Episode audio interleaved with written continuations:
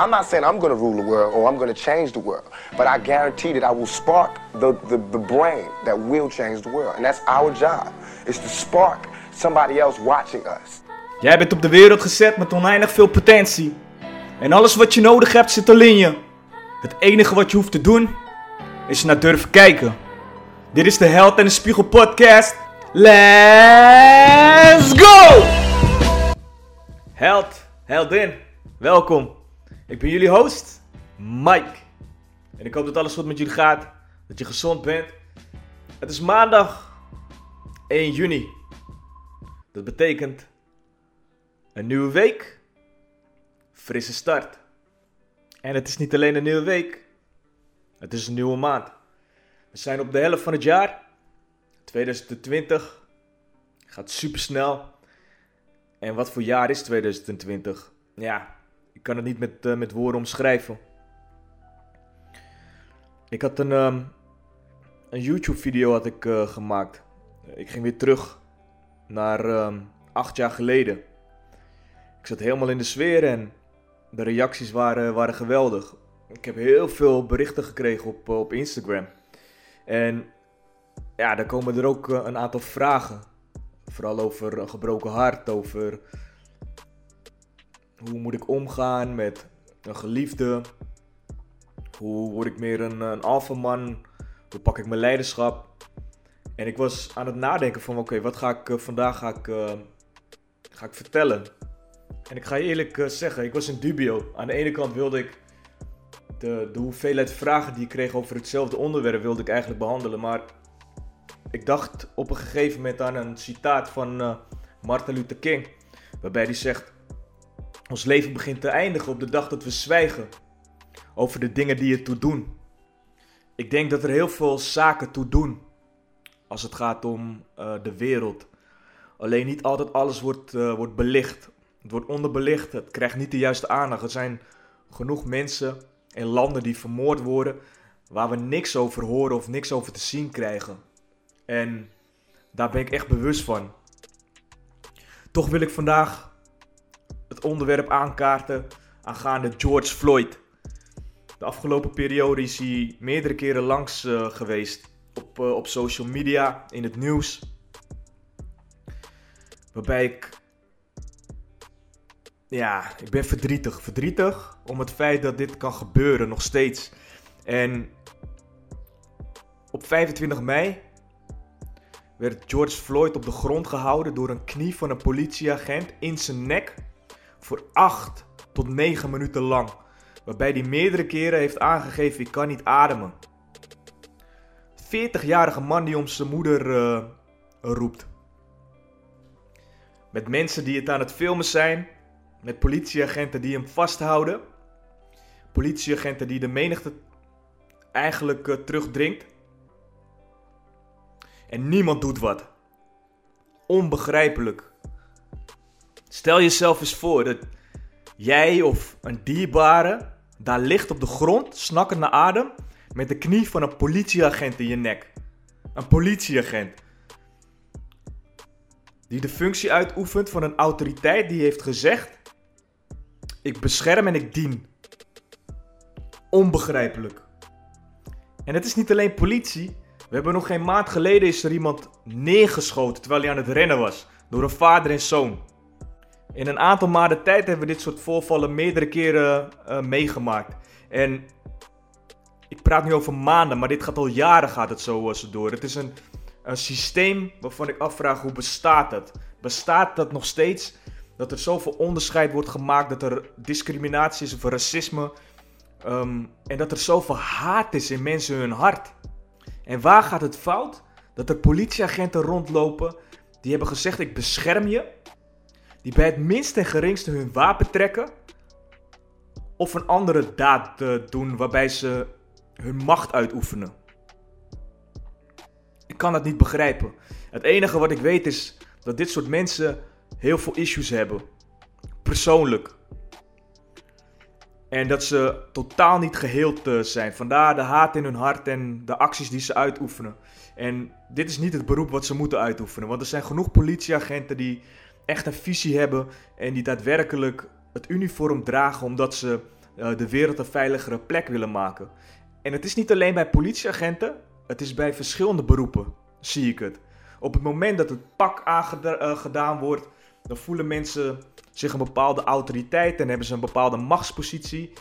En het zijn voornamelijk de mensen die zelf ook te dealen hebben met, met hun leven, met hun issues, met de dingen die ze hebben meegemaakt.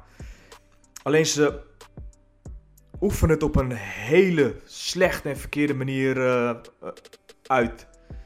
Op deze wijze. En daardoor wordt de wereld niet een mooiere plek. En dat is ook de reden waarom op dit moment de rellen zijn in Amerika. Want George Floyd was de druppel. Het is onbegrijpelijk dat echt dit, dit gewoon nog steeds anno 2020 gewoon bestaat. Mijn moeder is Filipijns. Mijn vader is Nederlands. En wat mijn vader altijd zei toen ik klein was zijn... Je moet trots op jezelf zijn. Trots op wie je bent. Trots dat je roots hebt in de Filipijnen. Maar in Nederland bent geboren. Wees trots op je huidskleur. En ik begreep toen nog niet wat hij bedoelde.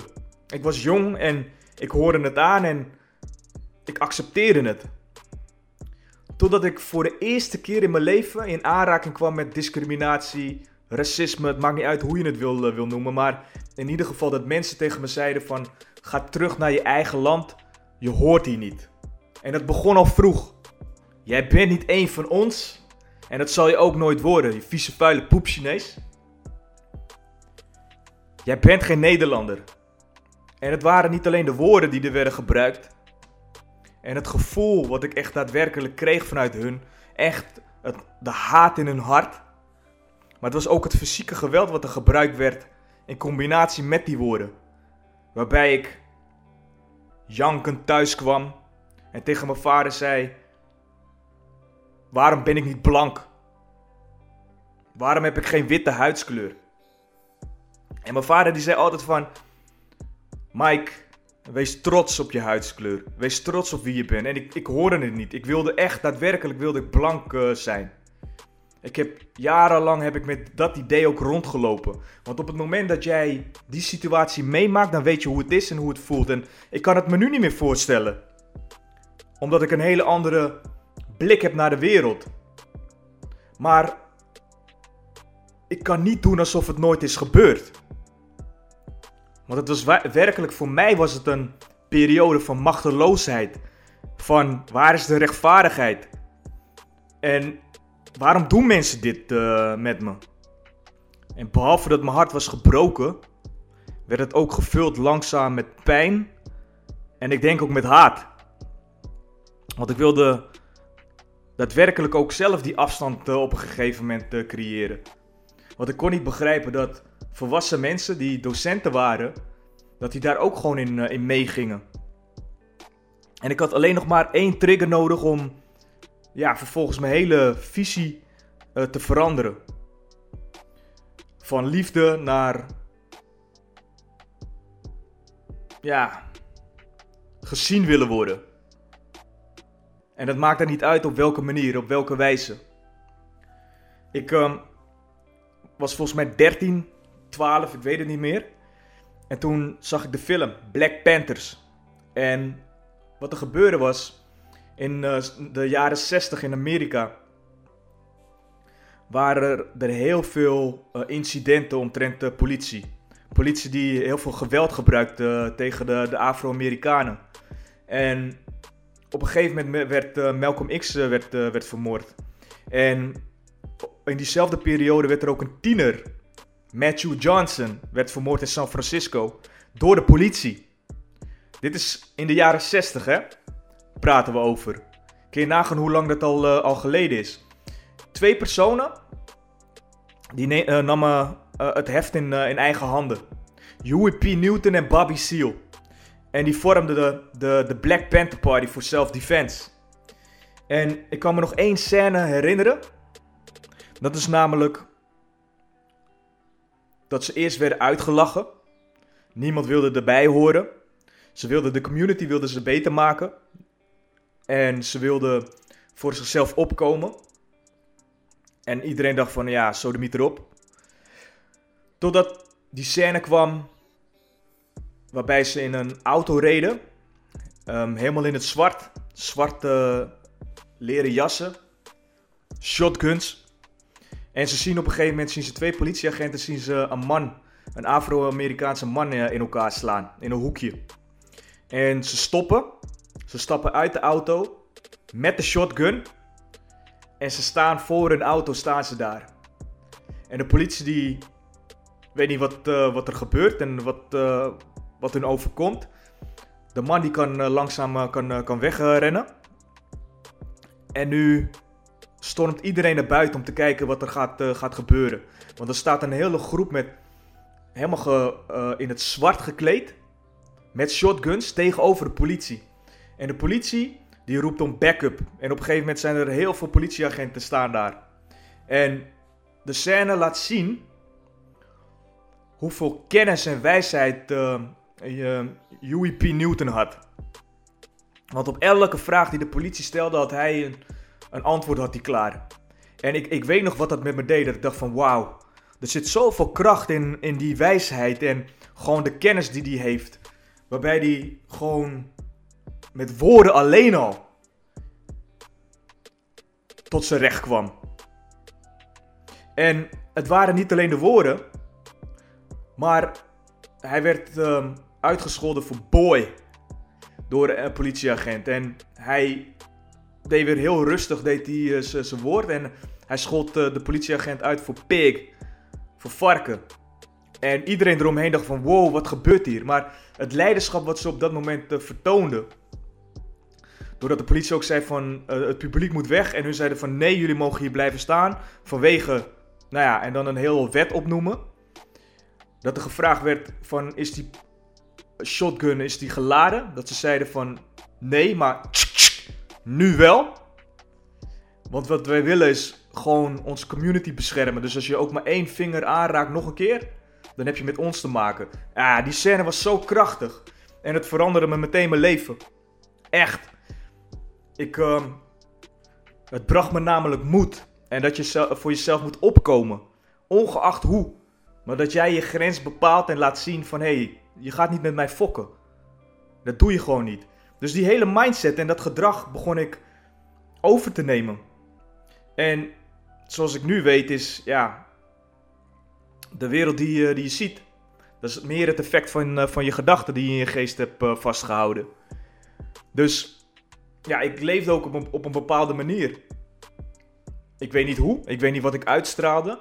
Maar daardoor werd ik misschien wel extra in de gaten gehouden door, door wanneer ik een winkel in, uh, inging. En voor mij was het altijd de bevestiging van... hé, hey, ze lopen gewoon echt met me mee zelfs.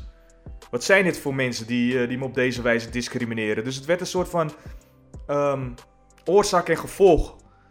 Waarbij ik nog meer emoties ging ervaren en me nog meer wilde distancieren. En nog meer in een eigen schulp ging, ging kruipen van kijk wat mensen met me doen, weet je, en hoe ze me discrimineren. En ik weet niet tot wanneer ik op het punt ben gekomen dat ik afstand ben gaan, uh, gaan doen van die hele gedachte. Ik kan het me niet meer herinneren. Maar ik weet nog wel heel goed wanneer ik uh, heling heb, uh, heb gekregen. En soms krijgen we lessen in ons leven waarbij we het niet altijd meteen opmerken. Maar wanneer je bewust raakt en wanneer je bewust bent en goed kijkt wat het leven je aanbiedt, dan kan je heel veel groei kan je, kan je daaruit halen. Ik deed een training. En ik, hoe, hoe ik daar kwam, ja, dat, dat is misschien een verhaal voor, eh, voor later. Maar ik deed een training en toen vervolgens kwam het meest bizarre wat me kon overkomen. Ik zat daar met zes personen. Het was een kleine groep. We, we gingen allemaal gingen voor uh, het NLP trainerschap. En toen moesten we onszelf ook, eh, ook voorstellen en vertellen wat we deden. En in die klas zat er een vrouw, die kwam uit Nune. Die gaf les in Eindhoven. Het was een docente. En laat dat nou precies dezelfde personen zijn waar ik altijd een bepaalde ja, trauma aan heb uh, overgehouden. En we hebben zes dagen hebben we met elkaar besteed. En ik heb zoveel liefde vanuit haar ont ontvangen. Dat mijn hele blik. Het was al weg. Maar waarschijnlijk nog niet volledig in mijn hart.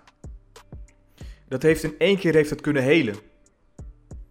En ik kwam daar om een betere spreker te worden, om een betere trainer te worden. En wat ik daar leerde en hoe ik naar huis ging, is dat vergeving een essentiële sleutel is tot genezing. En het tegenovergestelde van genezing is oordeel. En dat creëert altijd scheiding. Scheiding tussen mensen, maar ook schuld. In de wereld is er ook een verlenging van liefde, want dat is de hoogste frequentie. Of een uh, roep om hulp en genezing. En dat is hetgene wat je nu ziet. Dat is waarom de mensen nu bij elkaar komen. Of het nu rellen zijn of gewoon op een vredige manier. Maar dat is wel wat je ziet. En de wereld is ten alle tijde een spiegel. En misschien zou je dat niet 1, 2, 3 kunnen begrijpen. Maar alles wat jij in een ander ziet, heeft meer te maken met, uh, met jezelf dan met de ander. Perceptie is projectie.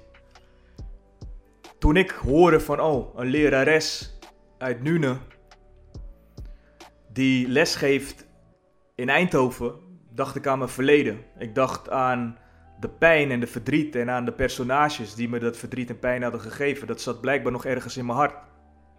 Maar wat je in een ander of in de wereld niet hebt vergeven, is ja, dat is slechts een weerspiegeling van uh, wie je bent en wat je meedraagt als een last die je jezelf niet kan, uh, kan vergeven.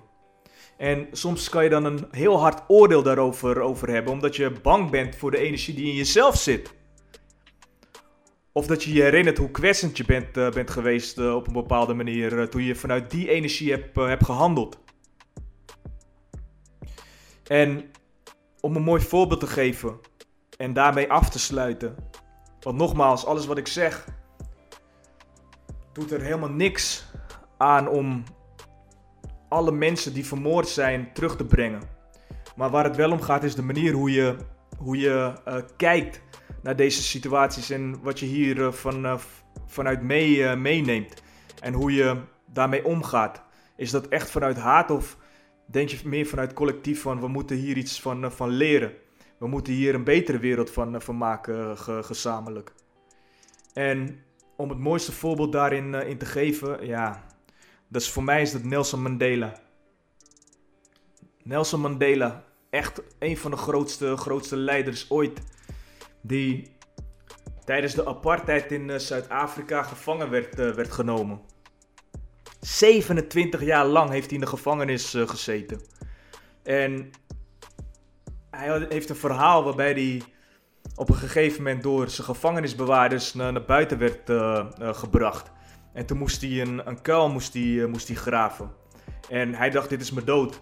Ik, mo ik moet mijn eigen graf moet ik, moet ik graven. Vervolgens moest hij daarin gaan, gaan staan. En toen werd, hem, werd er echt letterlijk over hem heen uh, gepist. Geurineerd. En echt om hem te vernederen.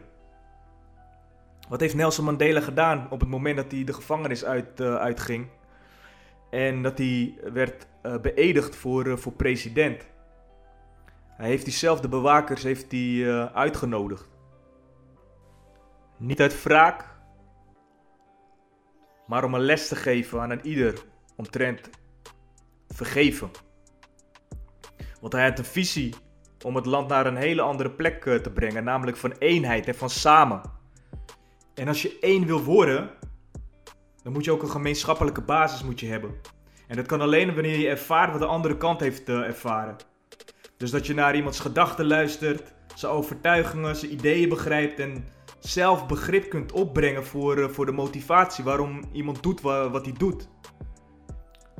De leiders van het nieuwe Zuid-Afrika wilden de wonden genezen van de apartheid.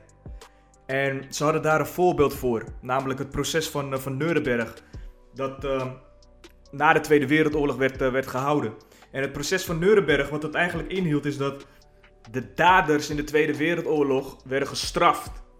En berecht en veroordeeld tot gevangenisstraf en zelfs de doodstraf eigenlijk voor de rol die ze hadden um, in de gruweldaden van, uh, van Nazi-Duitsland.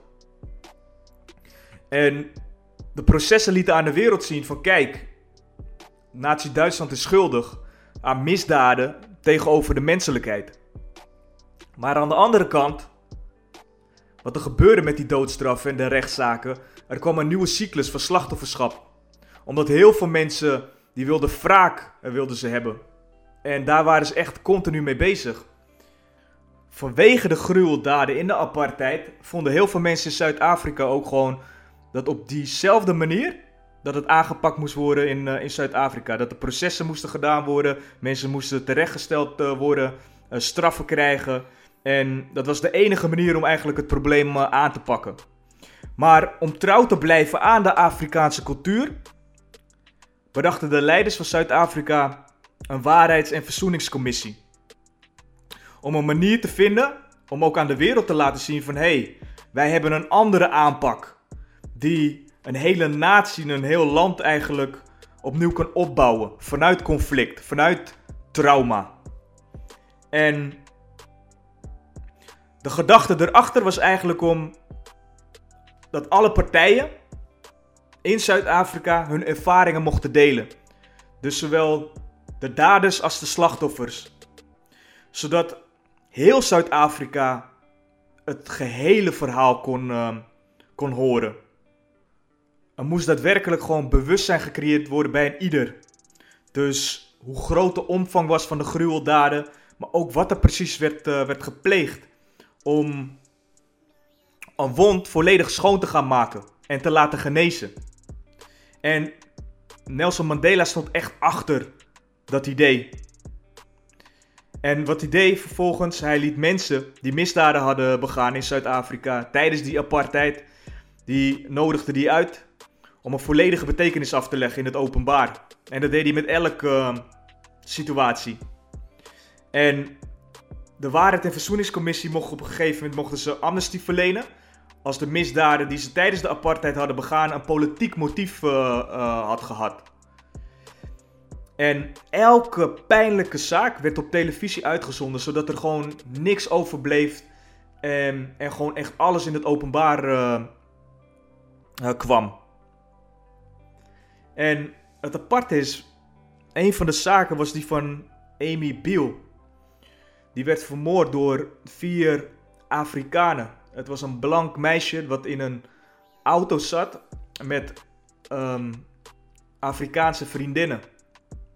En toen werd ze neergestoken. Ze werd gestenigd. En de vier uh, mannen die het hebben gedaan, die werden veroordeeld um, ja, voor, uh, voor de dood. En kregen gevangenisstraf. En toch hebben ze amnestie gekregen van, uh, van de Waarheids- en Verzoeningscommissie. Omdat ze hadden vastgesteld dat het een politiek motief was. En het aparte van alles was dat de familie van Biel van hun vermoorde dochter. Die stond achter het besluit. En je kan je niet voorstellen dat je eigen dochter wordt vermoord en hoe kan je dan als ouder dan achter het besluit uh, staan dat uh, de moordenaars uh, vrijkomen? Maar de familieleden die spraken met de familieleden van de moordenaars. Ze waren samen, luisterden naar, naar hun verhaal. Um, en investeerden ook daadwerkelijk in de gemeenschap waar, waar de jonge mannen afkomstig waren. Ze wilden het echt begrijpen. Ze wilden echt zich verplaatsen in de moordenaars van, van hun dochter. Dus wat dit bracht was een diepgaand begrip van de omstandigheden. En de ouders van, van Amy die kon vergeven. Ze hebben echt hun focus gebracht op het hele van hunzelf door alles meer te gaan begrijpen. Ze hebben daarna een stichting hebben ze, hebben ze opgebouwd en ze hebben ook in het openbaar gesproken met een van de moordenaars over het hele voorval. Dit is een, een, boodschap waarbij ik wil aantonen dat je op verschillende manieren kan, kan reageren. En alles is. Nou, heel veel dingen zijn, zijn logisch.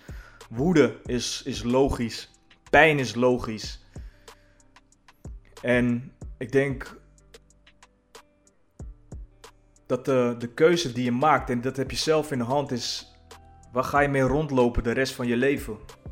Is dat inderdaad met pijn in je hart, met haat in je hart, waardoor je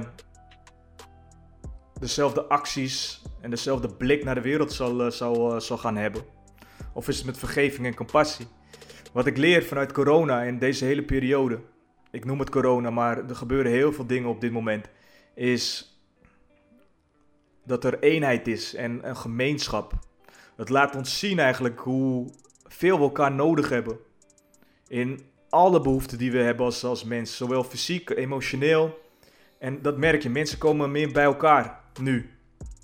Ook omdat er juist afstand wordt gecreëerd op verschillende manieren. En dan zie je hoe sterk het is dat mensen toch bij elkaar willen komen.